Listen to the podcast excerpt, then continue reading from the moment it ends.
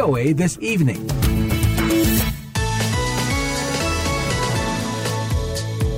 Selamat malam, VOA This Evening kembali hadir dari studio Voice of America di Washington DC bersama saya Dania Iman. Dan saya Rifan Dwi Astono. Kami sudah siapkan beragam informasi dan berita terkini dari Indonesia dan dunia, di antaranya Kota New York disebut juga sebagai inkubator dan tempat pembuktian, di mana jika seseorang dapat berhasil di sini, maka mereka dapat berhasil di mana saja. Banyak pakar anak berpendapat, sekolah merupakan bagian penting kehidupan anak. Sekolah, menurut mereka, membantu membangun mental sehingga anak kelak menjadi orang dewasa yang sehat secara fisik dan rohani. Sebelum kita bahas itu semua, kita dengarkan berita malam dari VOA. Inilah berita malam dari VOA Washington Senin 20 Juli bersama Lea Johannes. Pemimpin Korea Utara Kim Jong-un mengecam para pejabat terkait penundaan pembangunan rumah sakit baru di Pyongyang dan memerintahkan agar mereka dipecat. Kantor berita resmi KCNA Senin melaporkan bahwa Kim mencaci para manajer konstruksi dalam kunjungannya baru-baru ini ke lokasi rumah sakit umum Pyongyang yang baru dan mengemukakan berbagai masalah serius yang muncul dalam organisasi ekonomi terkait dengan pembangunan tersebut. KCNA menyebutkan Kim secara khusus memanggil Komisi Pembangunan karena ceroboh menjalankan proyek itu tanpa anggaran pembangunan yang tepat dan bahwa hal ini membebani rakyat Korea Utara dengan adanya permintaan proyek-proyek bantuan. Setelah berbulan-bulan penutupan, sejumlah bioskop di beberapa kota di Tiongkok yang resiko penularan virus coronanya dianggap rendah dibuka kembali Senin. Meski dibuka, bioskop-bioskop di kota-kota seperti Shanghai, Hangzhou, dan Guilin tetap memberlakukan usaha-usaha pencegahan penularan virus. Para penonton yang jumlahnya dibatasi diharuskan mengenakan masker dan menjaga jarak. Setelah sebelumnya, suhu tubuh mereka diperiksa untuk memastikan mereka sedang tidak sakit. Di bioskop Tianshan di Shanghai, para penonton menyaksikan film produksi dalam negeri berjudul A First Farewell. Beijing kemungkinan akan segera melakukan langkah serupa setelah pada hari Minggu pihak berwenang menurunkan tingkat tanggap darurat kota itu menyusul tidak ditemukannya penularan lokal dalam 14 hari terakhir. Sejumlah bioskop terlihat dibersihkan secara seksama dan didisinfektasi di kota itu. Anda dapat mengirim email kepada kami di voaindonesia at voanews.com. Menteri Luar Negeri Kanada François Philippe Champagne mengatakan rekaman data penerbangan dari sebuah pesawat penumpang Ukraina yang ditembak jatuh oleh misil Iran kini berada di Paris. Rekaman tersebut dijadwalkan akan dibawa ke Otoritas Investigasi Keselamatan Penerbangan Sipil Prancis untuk dianalisis pada hari Senin. Champagne menulis di Twitter bahwa para pejabat dari Badan Keselamatan Transportasi Kanada akan hadir untuk penyelidikan itu. Sebagian besar dari 176 penumpang pesawat itu adalah warga negara atau yang akan berpergian ke Kanada. Iran menyatakan militernya secara tidak sengaja menembak jatuh pesawat Ukraine Airlines pada Januari lalu, tidak lama setelah pesawat lepas landas dari Bandara Teheran, keliru mengiranya sebagai misil yang mendekat. Aktivis pro-demokrasi Joshua Wong Senin mengajukan surat pencalonan diri untuk menjadi anggota Dewan Legislatif dalam pemilihan lokal di Hong Kong, di mana Undang-Undang Keamanan Nasional yang baru melarang kandidat oposisi untuk berpartisipasi. Wong adalah salah satu kandidat kuat yang muncul dalam pemilihan-pemilihan pendahuluan tidak resmi yang dilangsungkan kubu pro-demokrasi dalam usahanya meraih mayoritas di Dewan Legislatif yang memiliki 70 kursi dalam pemilihan lokal September mendatang. Kami berharap dunia mengetahui bagaimana kami memilih untuk tidak menyerah, bagaimana kami memilih untuk tidak tunduk kepada Tiongkok, kata Wong kepada wartawan. Para pemimpin Uni Eropa Senin pagi jeda dari pembicaraan hari keempat mereka yang bertujuan untuk menyepakati anggaran 2 triliun dolar dan pendanaan untuk membantu negara-negara anggota mengatasi dampak pandemi virus corona. Perundingan yang awalnya akan berlangsung hingga Sabtu saja dijadwalkan dilanjutkan kembali pada Senin sore. Perdana Menteri Belanda Mark Rutte mengatakan para pemimpin mencapai kemajuan. Kanselir Austria Sebastian Kurz mengatakan meskipun perundingan berlangsung alot, mereka dapat merasa puas sekali dengan hasil hari itu. Pembicaraan beberapa hari terakhir dipenuhi perbedaan pendapat antara lima negara kaya di bagian utara Eropa. Austria, Denmark, Finlandia, Belanda, dan Swedia, dan negara-negara di bagian selatan yang paling terpukul oleh pandemi virus corona. Demikian berita malam dari VOA Washington.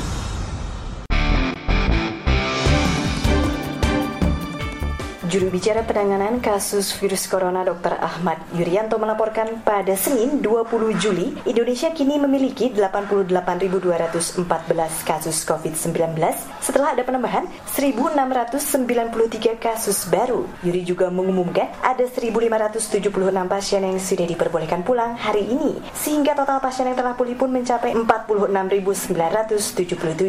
Namun sayang jumlah kematian masih terus meningkat, sebanyak 96 orang dilaporkan meninggal dunia. Jumlah total penderita yang meninggal pun menjadi 4.239. Sementara itu jumlah suspek yang sedang dipantau kini mencapai 36.380.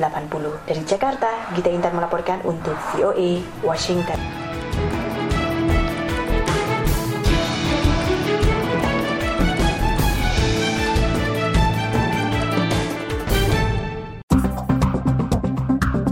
Saatnya laporan khusus dari Indonesia. Mari kita simak perkembangan kabar terbaru dari tanah air berikut ini. Ketika kita memasuki pameran Humanity Youth, kita akan menjumpai lima karya audiovisual yang langsung mengundang rasa penasaran.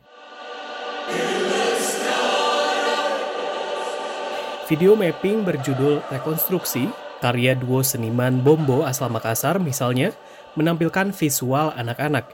Karya ini mengisahkan Stolen Children, anak-anak Timor Leste yang secara paksa dibawa ke Indonesia ketika negara itu menjadi bagian dari NKRI.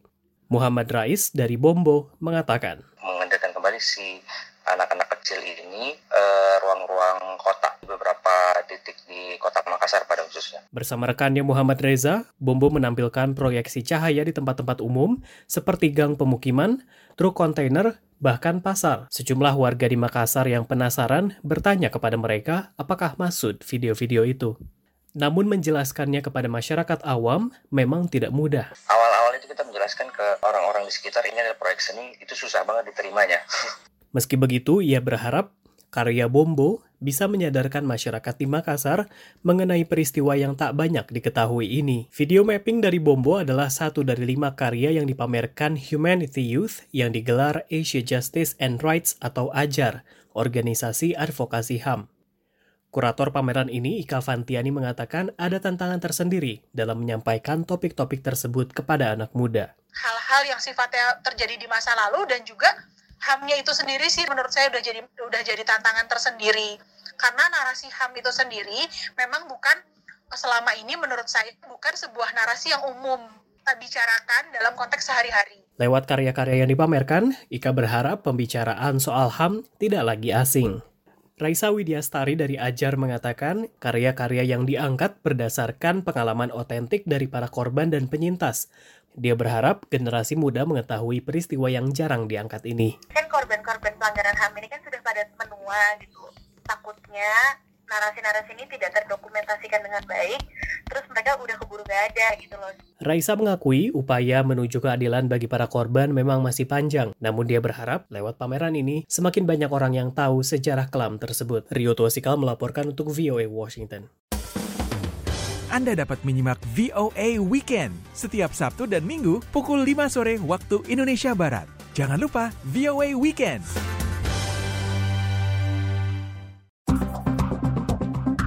Kami masih punya satu update lagi nih dari Indonesia. Berikut laporannya. Menteri Dalam Negeri Tito Karnavian mengatakan sejumlah negara tetap menggelar pemilihan umum di tengah pandemi corona, antara lain Korea Selatan, Jerman, dan Perancis. Kata Tito, Korea Selatan merupakan salah satu negara yang berhasil melakukan pemilihan umum sebab tidak ada klaster baru setelah pemilihan dan tingkat partisipasi pemilih merupakan yang tertinggi sejak 1962 yakni 66 persen. Karena itu menurutnya Indonesia dapat belajar dari negara-negara lain yang telah menggelar pemilihan untuk pelaksanaan Pilkada serentak 2020. Karena COVID ini melanda semua hajat hidup orang semua orang terdampak, baik karena ketakutan kesehatannya, takut tertular, atau dampak sosial ekonomi PHK dan lain ekonomi nggak jalan. Maka mereka ingin ada pemerintahan yang kuat, pemerintahan yang bisa mengatasi COVID-19 dan dampak sosial ekonominya. Inilah krisis. Tito menambahkan keberhasilan negara lain dalam pemilihan ini merupakan satu dari alasan pemerintah memutuskan menggelar pilkada serentak pada Desember tahun ini. Alasan lainnya kata dia yaitu belum jelasnya waktu pandemi corona ini berakhir di Indonesia, termasuk jika nanti telah ditemukan vaksin, masih dibutuhkan waktu untuk memproduksi vaksin dalam jumlah yang besar untuk masyarakat dan distribusi vaksin ke semua wilayah.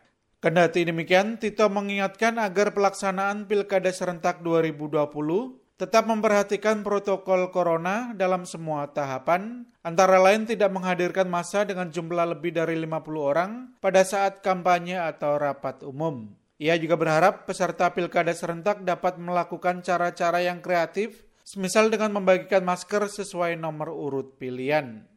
Sementara itu, Direktur Eksekutif Perludem Titi Anggraini mengatakan tren global tingkat partisipasi pemilih dalam pemilihan umum menurun. Hal tersebut seperti yang terjadi di Iran, Mali, dan Perancis. Sementara yang tingkat partisipasinya meningkat hanya ada dua negara yakni Korea Selatan dan Jerman. Itu pun kata dia karena usia pemilih di Korea Selatan diturunkan dari 19 tahun menjadi 18 tahun, sedangkan di Jerman pemberian suaranya melalui pos uh, itu datanya internasional ADIA turunnya itu 5 sampai 10 persen. Nah, tetapi justru di situlah kita harus mengantisipasi agar apa namanya tidak terjadi penurunan angka pengguna hak pilih. Dari Jakarta, Sasmita Madre melaporkan untuk VOA Washington. VOA This Evening kembali hadir dari studio Voice of America di Washington DC. Mari kita simak informasi aktual berikut ini. Komisi Pemilihan Umum atau KPU telah memutuskan pemilihan kepala daerah atau pilkada serentak akan diselenggarakan pada 9 Desember 2020.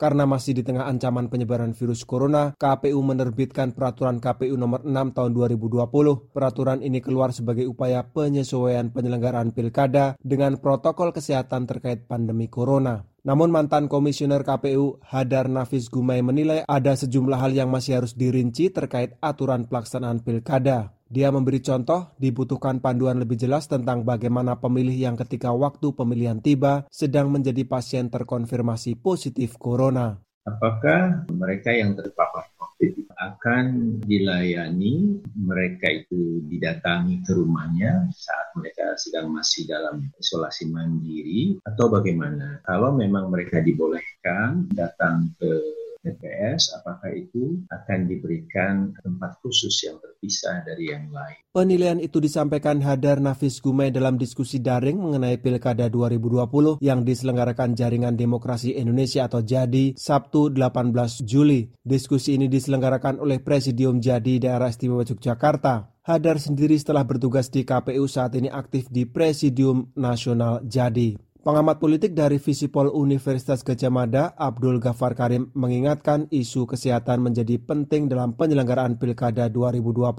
Berbicara dalam seminar yang sama, Ghaffar mengaku kaget ketika ada keputusan penyelenggaraan Pilkada di tengah suasana pandemi agenda kita dalam memenuhi hak partisipasi itu juga terkait dengan menjamin keamanan rakyat ketika memenuhi haknya. Jadi kalau rakyat sudah datang ke TPS untuk menggunakan hak suara, maka kewajiban kita bersama untuk menjamin bahwa mereka tidak justru tertular COVID-19 di situ. Gafar mengajak semua pihak untuk bisa menerima bahwa partisipasi masyarakat dalam pilkada tahun ini akan turun. Sementara Ida Budiati, Komisioner Dewan Kehormatan Penyelenggara Pemilu atau DKPP mengurai beberapa kondisi yang harus dicapai agar pilkada berintegritas. Salah satunya adalah akurasi data pemilih. Nah, dalam situasi uh, sekarang ini merupakan satu tantangan yang tidak sederhana bagi bagaimana kinerja dari penyelenggara pemilu untuk memastikan data pemilihnya itu akurat dan lengkap. Nur Hadi melaporkan untuk VOA Washington.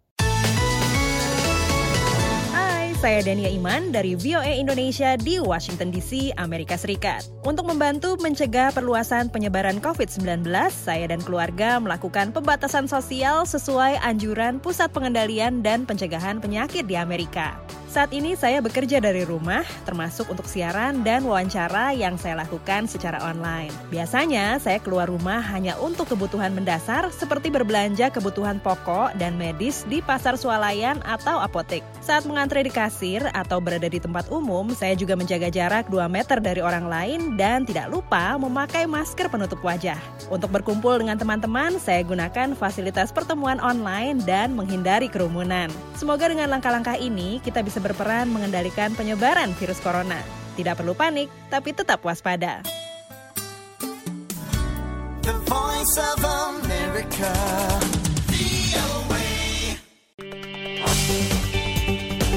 Saatnya kita beralih ke berita terbaru dari mancanegara yang dapat disimak dalam laporan internasional berikut ini. Seorang hakim di Yerusalem memutuskan bahwa sidang untuk Perdana Menteri Benjamin Netanyahu atas tiga tuduhan korupsi, penipuan, dan pelanggaran kepercayaan akan mulai mendengarkan kesaksian dari para saksi pada bulan Januari dan bahwa sidang akan diadakan tiga kali seminggu.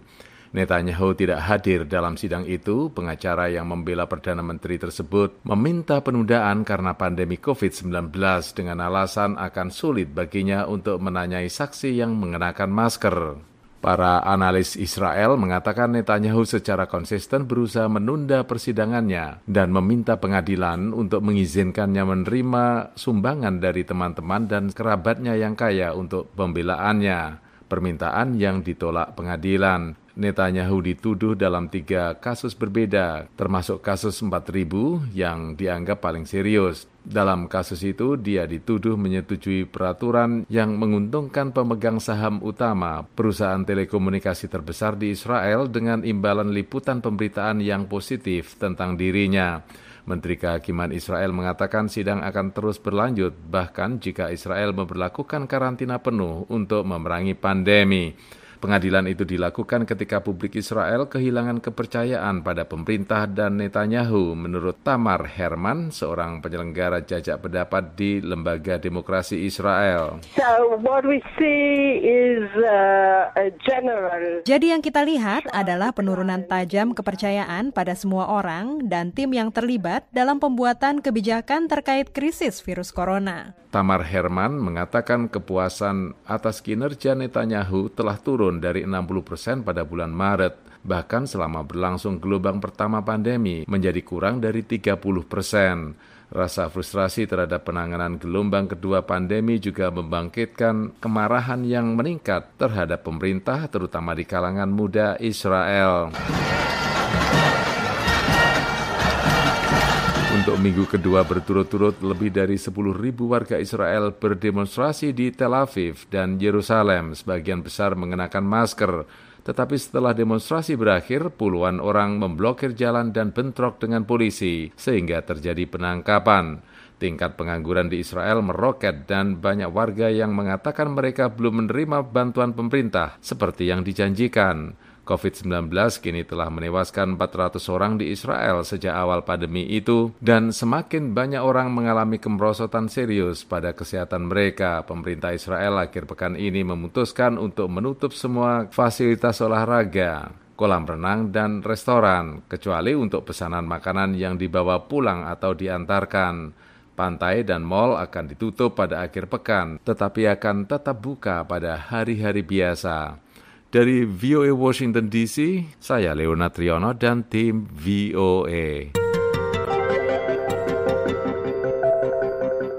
VOA di Simning bersama saya Dania Iman dan juga Rifan Dwi Astono yang kami siarkan langsung dari Washington DC. Nah, kini saatnya kita simak berita dari dunia sains dan kesehatan. Banyak pakar anak berpendapat, sekolah merupakan bagian penting kehidupan anak. Sekolah, menurut mereka, membantu membangun mental sehingga anak kelak menjadi orang dewasa yang sehat secara fisik dan rohani. Namun karena wabah virus corona, akses anak-anak ke sekolah telah tertutup selama berbulan-bulan dan para pakar mengkhawatirkan dampaknya di kemudian hari. Tim VOA melaporkan. Uta Frith adalah satu dari banyak pakar masalah anak yang mengkhawatirkan itu. Dokter anak dan mantan dosen perkembangan kognitif anak di University College London ini bersama lebih dari 1.500 dokter anak lainnya baru-baru ini mengajukan surat terbuka yang isinya mendesak pemerintah Inggris untuk segera merencanakan pembukaan kembali sekolah-sekolah. Ia yakin Inggris melindungi mereka yang sakit dan lanjut usia dari bahaya virus corona dengan mengorbankan anak-anak dan orang muda. Ia bahkan mengatakan kebijakan yang diberlakukan selama pandemi merusak sebuah generasi. The, the children and their education and, and their fostering in general with, within their own peer group has been um, Kita mengharapkan ketangguhan dari generasi muda Ketangguhan itu sendiri dibangun dan dibina oleh pendidikan yang sifatnya wajib alias sekolah. Sayangnya sekolah-sekolah ditutup untuk sementara selama pandemi. Ini luar biasa berbahaya. Fritz tidak ingin berspekulasi mengenai kerugian psikologi yang dialami anak-anak yang terpaksa berhenti pergi ke sekolah selama berbulan-bulan dan mengikuti proses belajar secara daring. Yang menegaskan interaksi antara teman sebaya yang biasanya memang terjadi di sekolah sangat dibutuhkan anak-anak. Interaksi itu katanya mengajarkan anak-anak bagaimana menegosiasikan perselisihan antara sesama mereka dan membantu membangun ketangguhan diri saat menghadapi masa-masa sulit di masa depan. Dr. Amelia Roberts dari Pusat Studi Pendidikan Inklusif University College London membenarkan pernyataan Frith. Pakar psikologi dan pertumbuhan manusia ini mengatakan penutupan sekolah berdampak besar karena dialami banyak anak di dunia. The Organization for Economic Cooperation and Development tell us that 188 Organisasi Kerjasama dan Pembangunan Ekonomi OECD menyebutkan 188 negara telah menutup sekolah dan ini artinya ada satu setengah miliar anak yang terimbas. Bank Dunia mengatakan 70 juta orang akan terjerumus dalam kemiskinan parah akibat COVID-19. Ini akan menimbulkan masalah global dan anak-anak dari keluarga miskinlah yang paling terpukul. Uta Frith mengatakan mungkin diperlukan waktu berbulan-bulan atau beberapa tahun untuk mengetahui dampak sesungguhnya penutupan sekolah. Namun katanya pemerintah harus siaga menghadapi kemungkinan itu. Arif Budiman, Lea Johannes, VOA Washington. Kini saatnya kita cari tahu apa saja yang terjadi di Amerika dalam Amerika Kini. Yi Chen Zhang lulus dari Emerson Preparatory School di Washington dengan nilai sempurna. Sayangnya, pandemi virus corona menghentikan sementara hampir semua kegiatan dan membuyarkan tradisi siswa SMU antara lain pesta dansa perpisahan yang lebih dikenal dengan prom. Kesempatan Zhang menyampaikan pidato sebagai siswa terbaik pun musnah. Sebagai gantinya, Zhang menyampaikan pidatonya melalui video menampilkan teman-teman, keluarga, acara wisuda di tepi kolam renang, dan pesta dansa di lantai bawah rumah. Zhang dalam video itu bukan lagi remaja usia 16 tahun yang ketakutan dan malu ketika pertama kali tiba di Amerika. Ia mengira ia harus menjadi siswa yang sempurna dengan semua nilai A dan menjadi ketua setiap perkumpulan sekolah. I constantly felt I had to chase behind that expectation to be that person. Saya selalu merasa harus menjadi sosok yang diharapkan banyak orang. Keluarga angkat menerima Zhang dalam kehidupan mereka.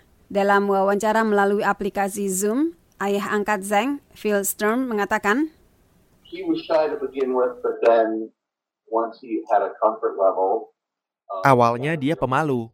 Begitu dia merasa nyaman, kami bisa mengenali kepribadiannya. Dia menyukai kami dan kami memiliki perasaan yang sama. Walaupun Zhang menyadari ia bisa mengekspresikan diri lewat seni suara, dia mengakui ada tekanan untuk terus terjaga setiap malam, belajar demi mencapai nilai sempurna. Keluarga Sturm dan guru-guru di Emerson meminta Zhang mengurangi belajar. we're strong believers in work hard, play hard, but we gotta play hard. Kami sangat yakin pada kerja keras, tetapi juga perlu santai. Pernyataan ayah angkatnya itu menyadarkan Zhang. That really opened me up to a completely new different path. Itu benar-benar menyadarkan saya untuk mengambil jalan yang berbeda, yang betul-betul bisa menyehatkan pikiran saya dan memperkaya hidup dengan banyak hal lain dan pilihan. Ketika pesta perpisahan prom dibatalkan, keluarga Sturm memutuskan untuk mengadakan pesta prom pesta semacam saya. itu di lantai dasar rumah. Pacar Zhang yang menempuh pendidikan di Boston University datang dan menginap di rumah itu setelah kampusnya tutup karena pandemi corona. Zhang akan melanjutkan pendidikannya di universitas di Minnesota. Jadi, keluarga Sturm akan mengantar Zhang ke negara bagian itu September mendatang, seperti telah mereka lakukan terhadap anak-anak mereka dulu.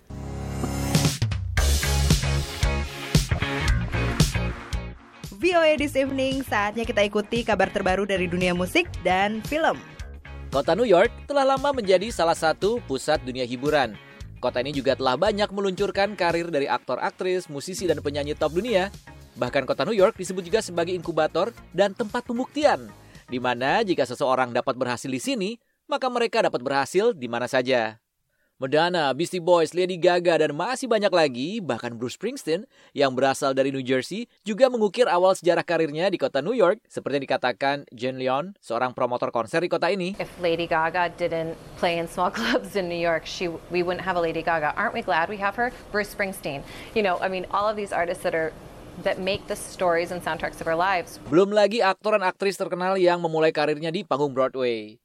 Kemudian seperti halnya Madonna atau Lady Gaga sebelum menjadi bintang seperti sekarang ini, para pekerja seni yang mengadu nasib di kota New York banyak yang bekerja di restoran, bar atau kafe sebagai pramusaji, bartender atau yang lainnya untuk menutupi biaya hidup mereka sehari-hari. Namun pandemi COVID-19 yang terjadi saat ini, di mana New York sempat menjadi kota dengan jumlah penderita COVID-19 terbanyak di Amerika, mengubah segalanya. Ditutupnya restoran dan kafe selama berbulan-bulan, serta pembatasan sangat ketat yang diberlakukan di sana, ditambah banyaknya ketidakpastian tentang bagaimana nasib restoran ke depannya, membuat nasib para pekerja seni tersebut jadi serba sulit. Menurut Departemen Tenaga Kerja di negara bagian New York, restoran dan tempat makan lainnya mempekerjakan lebih dari 273 ribu orang pada bulan Februari sebelum kota ini ditutup pada pertengahan Maret karena pandemi. Pada bulan April, di saat puncak kasus virus terjadi, jumlah itu turun menjadi di bawah 78 ribu. Ketika kota New York mulai dibuka kembali pada akhir Mei yang lalu, angka itu naik sedikit mendekati 100 ribu, masih jauh di bawah normal. Rachel Berry, seorang pemain teater dan juga seorang visual artist yang pindah ke kota New York pada tahun 2004, bekerja sebagai seorang bartender untuk mencukupi kebutuhan sehari-harinya. Ia pun merasakan dampak yang besar dari segala ketidakpastian saat ini. That security has completely disappeared. I mean, you can't be creative, you can't perform, you can't write when your when your you know um, your basic needs are in jeopardy. Rachel juga mengatakan bagaimana bisa menjadi kreatif jika tidak ada kepastian untuk memenuhi kebutuhan pokok. Sebagai seorang promotor konser, Jen Leon mengatakan, All of those artists who were working within the restaurant industry to maintain living in New York, to become artists, have now had to make different life choices and have had to leave New York mainly. Dalam kondisi yang membuat stres ini, ia telah melihat banyak pekerja seni seperti musisi dan penyanyi yang menggantungkan hidupnya di usaha restoran mulai meninggalkan kota New York. Demikian laporan VOA. Tadi kita sudah mendengarkan berita dari dalam dan luar negeri, dari dunia politik hingga hiburan. Tapi yang berikut ini sayang kalau dilewatkan. Dalam sebuah demonstrasi, lengan robot bergerak serempak.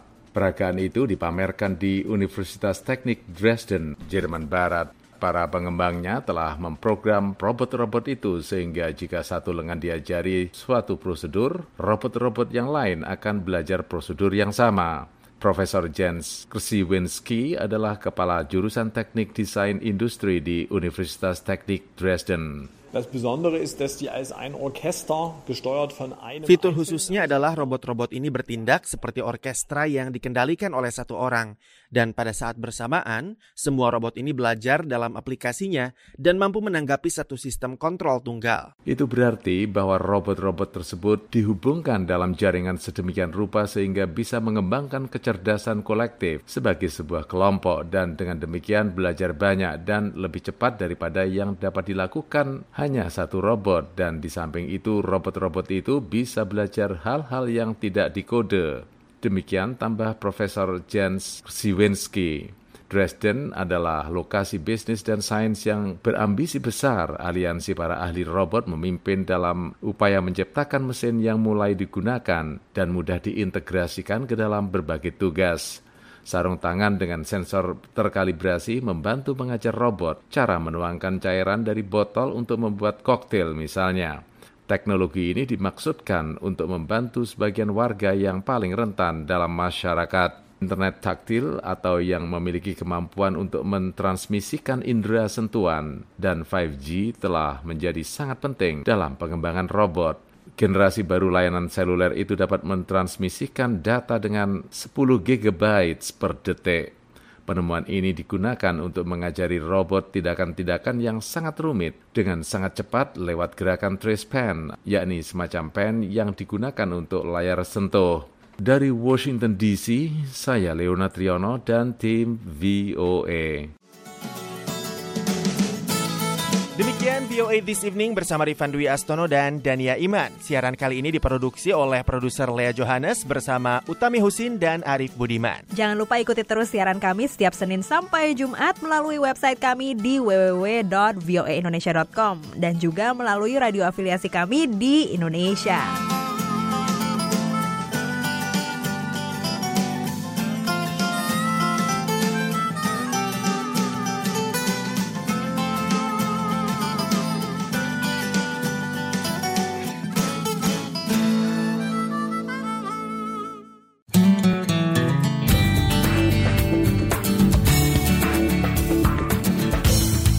VOA this evening.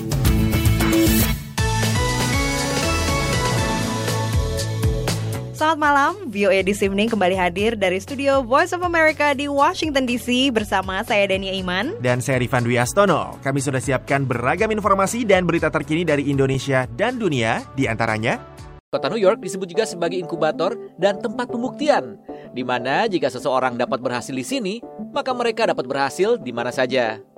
Banyak pakar anak berpendapat sekolah merupakan bagian penting kehidupan anak. Sekolah, menurut mereka, membantu membangun mental sehingga anak kelak menjadi orang dewasa yang sehat secara fisik dan rohani. Sebelum kita bahas itu semua, kita dengarkan berita malam dari VOA. Inilah berita malam dari VOA Washington Senin 20 Juli bersama Lea Johannes. Pemimpin Korea Utara Kim Jong-un mengecam para pejabat terkait penundaan pembangunan rumah sakit baru di Pyongyang dan memerintahkan agar mereka dipecat. Kantor berita resmi KCNA Senin melaporkan bahwa Kim mencaci para manajer konstruksi dalam kunjungannya baru-baru ini ke lokasi rumah sakit umum Pyongyang yang baru dan mengemukakan berbagai masalah serius yang muncul dalam organisasi ekonomi terkait dengan pembangunan tersebut. KCNA menyebutkan Kim secara khusus memanggil Komisi Pembangunan karena ceroboh menjalankan proyek itu tanpa anggaran pembangunan yang tepat dan bahwa hal ini membebani rakyat Korea Utara dengan adanya permintaan proyek-proyek bantuan. Setelah berbulan-bulan penutupan, sejumlah bioskop di beberapa kota di Tiongkok yang resiko penularan virus coronanya dianggap rendah dibuka kembali Senin.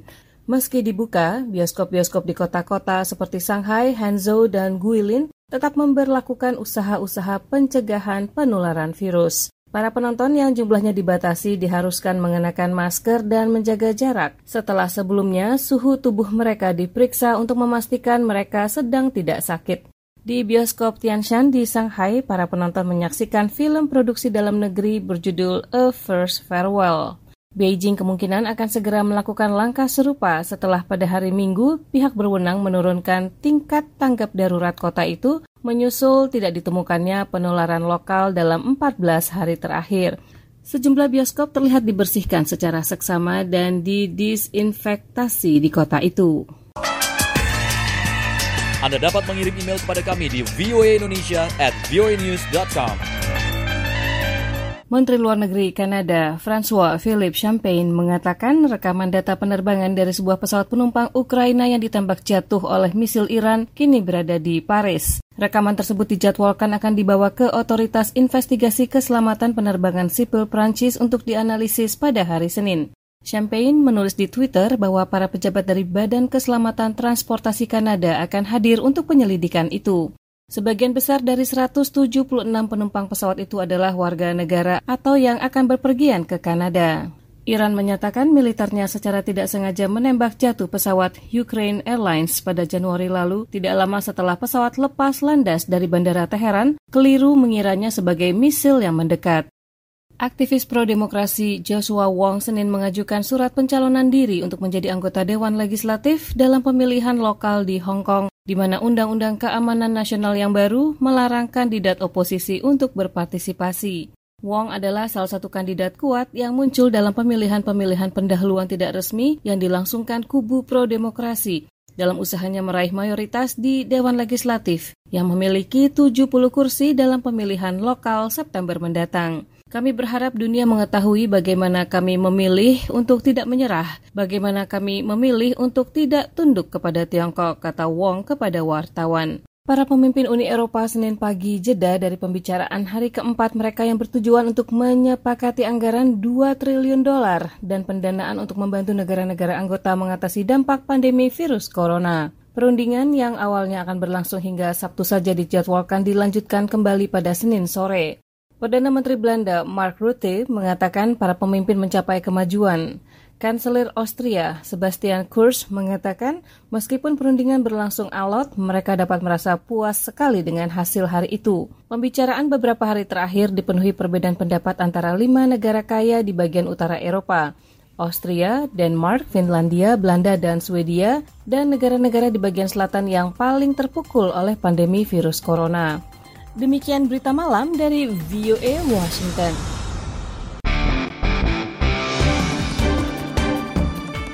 Juru bicara penanganan kasus virus corona Dr. Ahmad Yuryanto melaporkan pada Senin 20 Juli, Indonesia kini memiliki 88.214 kasus COVID-19 setelah ada penambahan 1.693 kasus baru. Yuri juga mengumumkan ada 1.576 pasien yang sudah diperbolehkan pulang hari ini, sehingga total pasien yang telah pulih pun mencapai 46.977. Namun sayang jumlah kematian masih terus meningkat sebanyak 96 orang dilaporkan meninggal dunia. Jumlah total penderita yang meninggal pun menjadi 4.239. Sementara itu jumlah suspek yang sedang dipantau kini mencapai 36.380. Dari Jakarta, Gita Intan melaporkan untuk VOA Washington.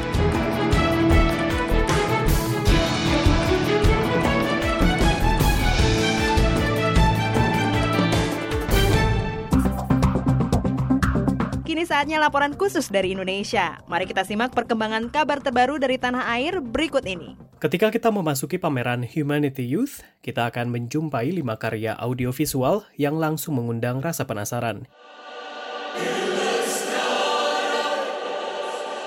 Video mapping berjudul Rekonstruksi, karya duo seniman Bombo asal Makassar misalnya, menampilkan visual anak-anak. Karya ini mengisahkan Stolen Children, anak-anak Timor Leste yang secara paksa dibawa ke Indonesia ketika negara itu menjadi bagian dari NKRI. Muhammad Rais dari Bombo mengatakan, mengendarkan kembali si anak-anak kecil ini eh, ruang-ruang kota beberapa titik di kota Makassar pada khususnya. Bersama rekannya Muhammad Reza, Bombo menampilkan proyeksi cahaya di tempat-tempat umum seperti gang pemukiman, truk kontainer, bahkan pasar. Sejumlah warga di Makassar yang penasaran bertanya kepada mereka apakah maksud video-video itu. Namun menjelaskannya kepada masyarakat awam memang tidak mudah. Awal-awal itu kita menjelaskan ke orang-orang di sekitar ini adalah proyek seni, itu susah banget diterimanya. Meski begitu, ia berharap karya Bombo bisa menyadarkan masyarakat di Makassar mengenai peristiwa yang tak banyak diketahui ini. Video mapping dari Bombo adalah satu dari lima karya yang dipamerkan Humanity Youth yang digelar Asia Justice and Rights atau AJAR, organisasi advokasi HAM. Kurator pameran ini, Ika Fantiani mengatakan ada tantangan tersendiri dalam menyampaikan topik-topik tersebut kepada anak muda. Hal-hal yang sifatnya terjadi di masa lalu dan juga HAM-nya itu sendiri sih menurut saya udah jadi udah jadi tantangan tersendiri karena narasi HAM itu sendiri memang bukan selama ini menurut saya bukan sebuah narasi yang umum bicarakan dalam konteks sehari-hari. Lewat karya-karya yang dipamerkan, Ika berharap pembicaraan soal HAM tidak lagi asing. Raisa Widyastari dari Ajar mengatakan, karya-karya yang diangkat berdasarkan pengalaman otentik dari para korban dan penyintas, dia berharap generasi muda mengetahui peristiwa yang jarang diangkat ini. Kan korban-korban pelanggaran HAM ini kan sudah pada menua gitu. Takutnya narasi-narasi ini tidak terdokumentasikan dengan baik, terus mereka udah keburu gak ada gitu loh. Raisa mengakui upaya menuju keadilan bagi para korban memang masih panjang, namun dia berharap lewat pameran ini semakin banyak orang yang tahu sejarah kelam tersebut. Rio Tuasikal melaporkan untuk VOA Washington. Anda dapat menyimak VOA Weekend setiap Sabtu dan Minggu pukul 5 sore waktu Indonesia Barat. Jangan lupa VOA Weekend.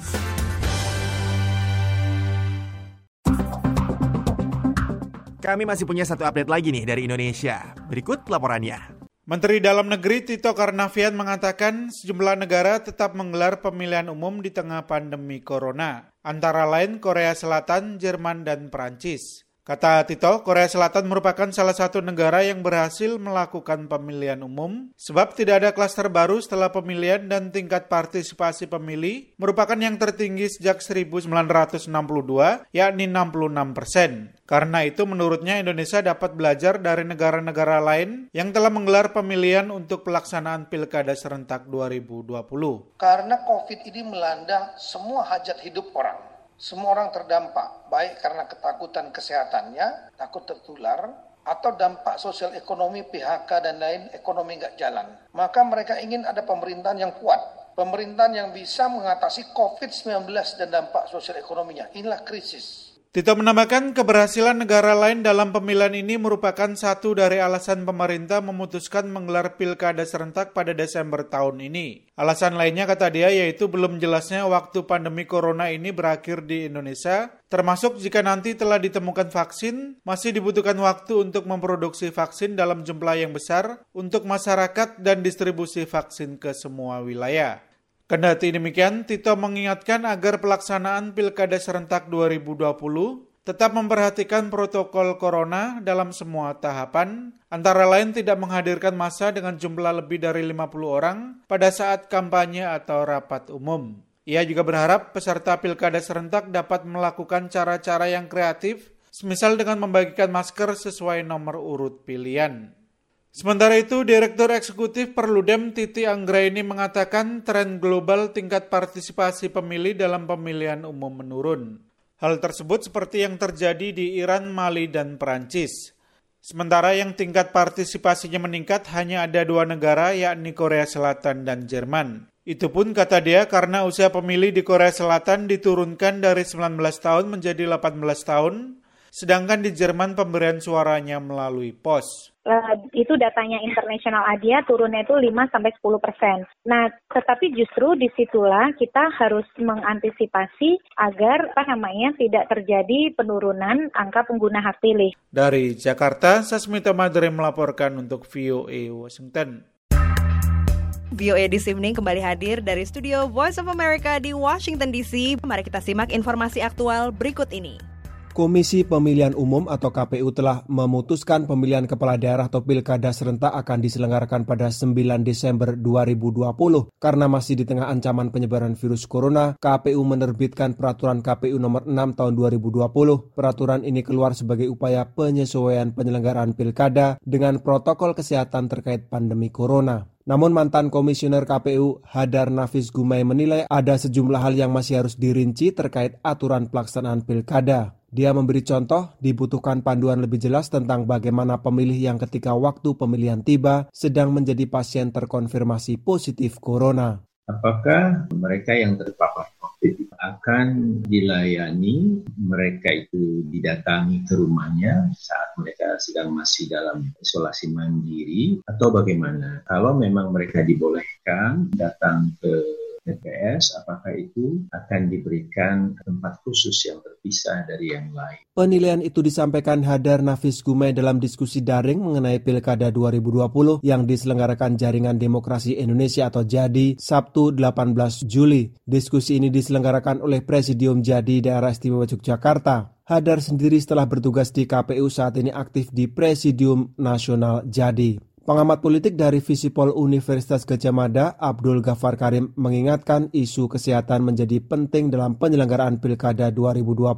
Berbicara dalam seminar yang sama, Ghaffar mengaku kaget ketika ada keputusan penyelenggaraan Pilkada di tengah suasana pandemi agenda kita dalam memenuhi hak partisipasi itu juga terkait dengan menjamin keamanan rakyat ketika memenuhi haknya. Jadi kalau rakyat sudah datang ke TPS untuk menggunakan hak suara, maka kewajiban kita bersama untuk menjamin bahwa mereka tidak justru tertular COVID-19 di situ. Gafar mengajak semua pihak untuk bisa menerima bahwa partisipasi masyarakat dalam pilkada tahun ini akan turun. Sementara Ida Budiati, Komisioner Dewan Kehormatan Penyelenggara Pemilu atau DKPP mengurai beberapa kondisi yang harus dicapai agar pilkada berintegritas. Salah satunya adalah akurasi data pemilih. Nah, dalam situasi uh, sekarang ini merupakan satu tantangan yang tidak sederhana bagi bagaimana kinerja dari penyelenggara pemilu untuk memastikan data pemilihnya itu akurat dan lengkap. Nur Hadi melaporkan untuk VOA Washington.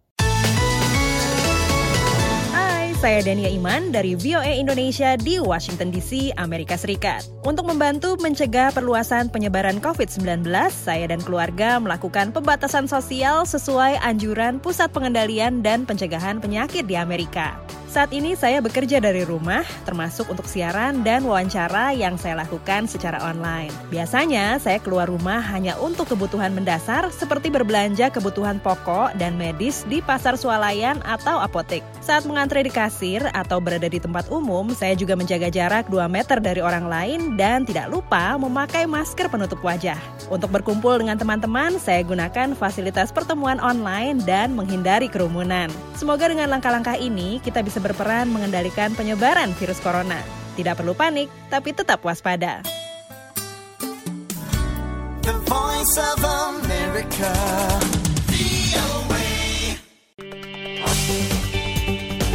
Saatnya kita beralih ke berita terbaru dari mancanegara yang dapat disimak dalam laporan internasional berikut ini. Seorang hakim di Yerusalem memutuskan bahwa sidang untuk Perdana Menteri Benjamin Netanyahu atas tiga tuduhan korupsi, penipuan, dan pelanggaran kepercayaan akan mulai mendengarkan kesaksian dari para saksi pada bulan Januari dan bahwa sidang akan diadakan tiga kali seminggu.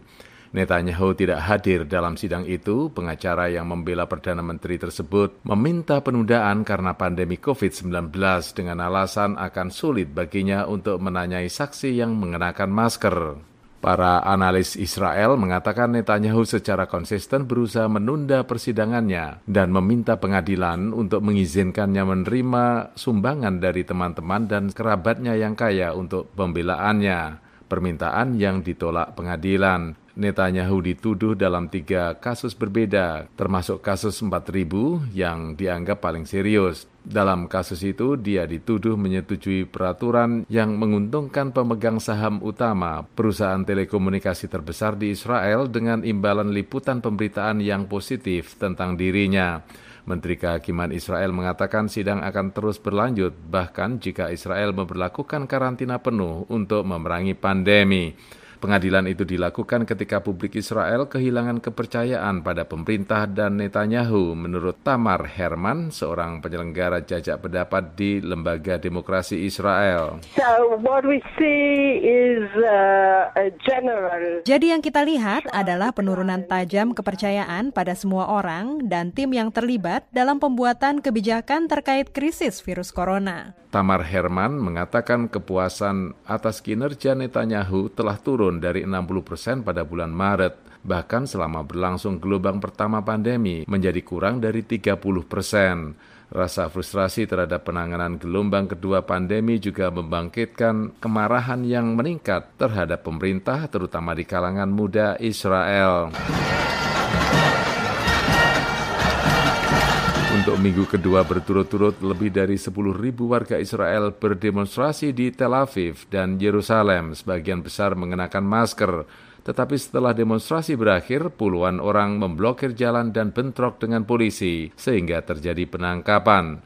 Tingkat pengangguran di Israel meroket dan banyak warga yang mengatakan mereka belum menerima bantuan pemerintah seperti yang dijanjikan. COVID-19 kini telah menewaskan 400 orang di Israel sejak awal pandemi itu dan semakin banyak orang mengalami kemerosotan serius pada kesehatan mereka. Pemerintah Israel akhir pekan ini memutuskan untuk menutup semua fasilitas olahraga, kolam renang, dan restoran, kecuali untuk pesanan makanan yang dibawa pulang atau diantarkan. Pantai dan mall akan ditutup pada akhir pekan, tetapi akan tetap buka pada hari-hari biasa. Dari VOA Washington DC, saya Leona Triono dan tim VOA. VOA di Simning bersama saya Dania Iman dan juga Rifan Dwi Astono yang kami siarkan langsung dari Washington DC. Nah, kini saatnya kita simak berita dari dunia sains dan kesehatan. Banyak pakar anak berpendapat sekolah merupakan bagian penting kehidupan anak. Sekolah, menurut mereka, membantu membangun mental sehingga anak kelak menjadi orang dewasa yang sehat secara fisik dan rohani. Namun karena wabah virus corona, akses anak-anak ke sekolah telah tertutup selama berbulan-bulan dan para pakar mengkhawatirkan dampaknya di kemudian hari. Tim VOA melaporkan.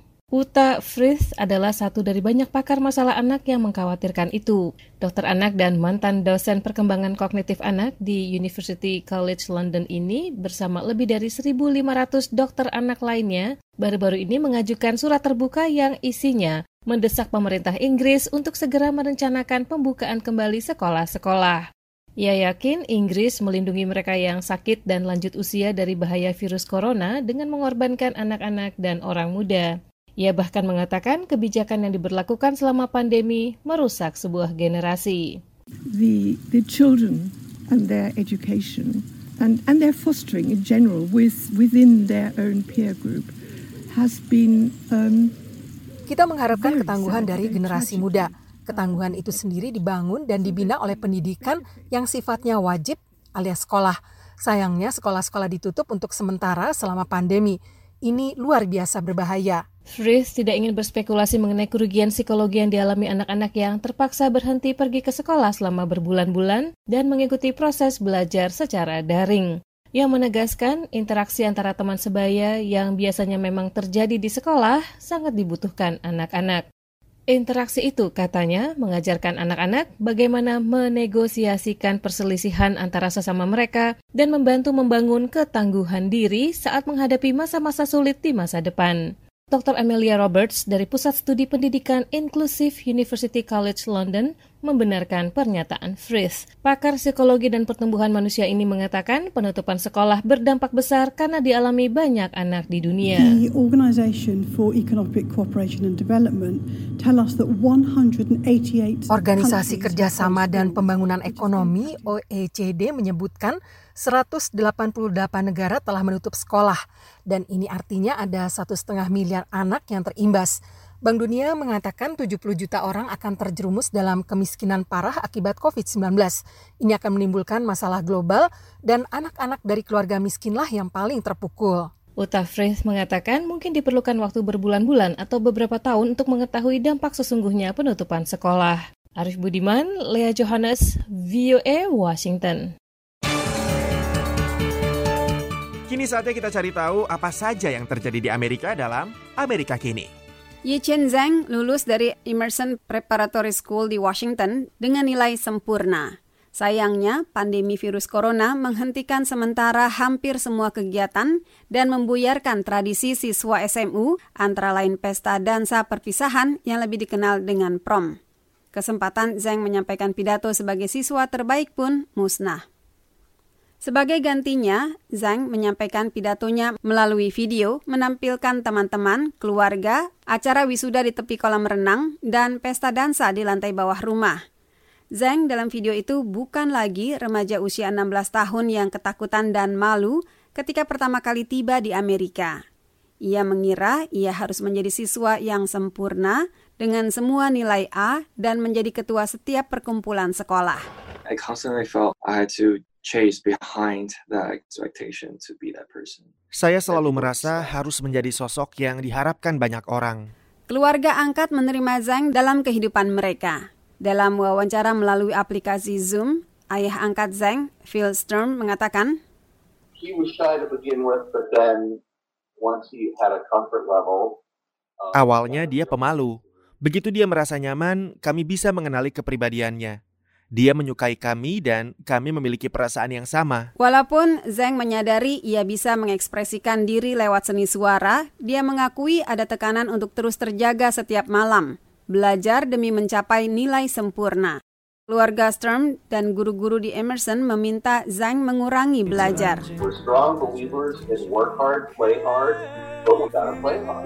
Kami sangat yakin pada kerja keras, tetapi juga perlu santai. Pernyataan ayah angkatnya itu menyadarkan Zhang.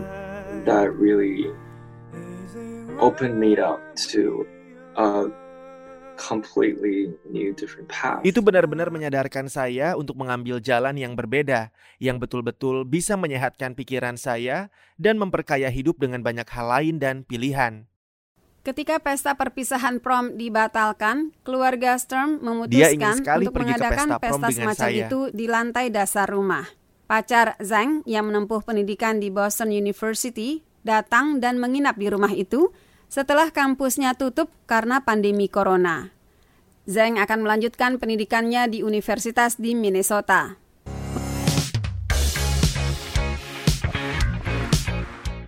VOA This Evening, saatnya kita ikuti kabar terbaru dari dunia musik dan film. Kota New York telah lama menjadi salah satu pusat dunia hiburan. Kota ini juga telah banyak meluncurkan karir dari aktor, aktris, musisi, dan penyanyi top dunia. Bahkan kota New York disebut juga sebagai inkubator dan tempat pembuktian, di mana jika seseorang dapat berhasil di sini, maka mereka dapat berhasil di mana saja.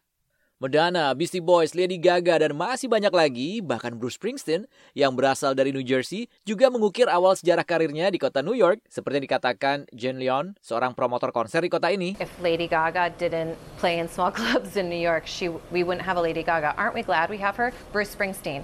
You know, I mean, all of these artists that are that make the stories and soundtracks of our lives. Belum lagi aktor dan aktris terkenal yang memulai karirnya di panggung Broadway. Kemudian seperti halnya Madonna atau Lady Gaga sebelum menjadi bintang seperti sekarang ini, para pekerja seni yang mengadu nasib di kota New York banyak yang bekerja di restoran, bar atau kafe sebagai pramusaji, bartender atau yang lainnya untuk menutupi biaya hidup mereka sehari-hari. Namun pandemi COVID-19 yang terjadi saat ini, di mana New York sempat menjadi kota dengan jumlah penderita COVID-19 terbanyak di Amerika, mengubah segalanya. Ditutupnya restoran dan kafe selama berbulan-bulan, serta pembatasan sangat ketat yang diberlakukan di sana, ditambah banyaknya ketidakpastian tentang bagaimana nasib restoran ke depannya, membuat nasib para pekerja seni tersebut jadi serba sulit. Menurut Departemen Tenaga Kerja di negara bagian New York, restoran dan tempat makan lainnya mempekerjakan lebih dari 273 ribu orang pada bulan Februari sebelum kota ini ditutup pada pertengahan Maret karena pandemi. Pada bulan April, di saat puncak kasus virus terjadi, jumlah itu turun menjadi di bawah 78 ribu. Ketika kota New York mulai dibuka kembali pada akhir Mei yang lalu, angka itu naik sedikit mendekati 100 ribu, masih jauh di bawah normal. Rachel Berry, seorang pemain teater dan juga seorang visual artist yang pindah ke kota New York pada tahun 2004, bekerja sebagai seorang bartender untuk mencukupi kebutuhan sehari-harinya.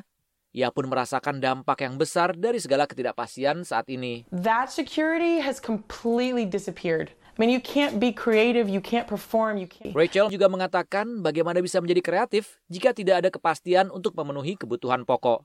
Sebagai seorang promotor konser, Jen Leon mengatakan, All of those artists who were working within the restaurant industry to maintain living in New York, to become artists, have now had to make different life choices and have had to leave New York mainly. Dalam kondisi yang membuat stres ini, ia telah melihat banyak pekerja seni seperti musisi dan penyanyi yang menggantungkan hidupnya di usaha restoran mulai meninggalkan kota New York. Demikian laporan VOA.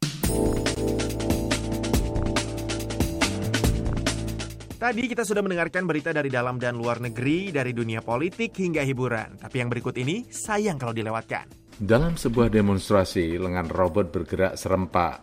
Peragaan itu dipamerkan di Universitas Teknik Dresden, Jerman Barat. Para pengembangnya telah memprogram robot-robot itu sehingga jika satu lengan diajari suatu prosedur, robot-robot yang lain akan belajar prosedur yang sama. Profesor Jens Kresiwinski adalah kepala jurusan teknik desain industri di Universitas Teknik Dresden. Das Besondere ist, dass die als ein Orchester gesteuert von einem Fitur khususnya adalah robot-robot ini bertindak seperti orkestra yang dikendalikan oleh satu orang.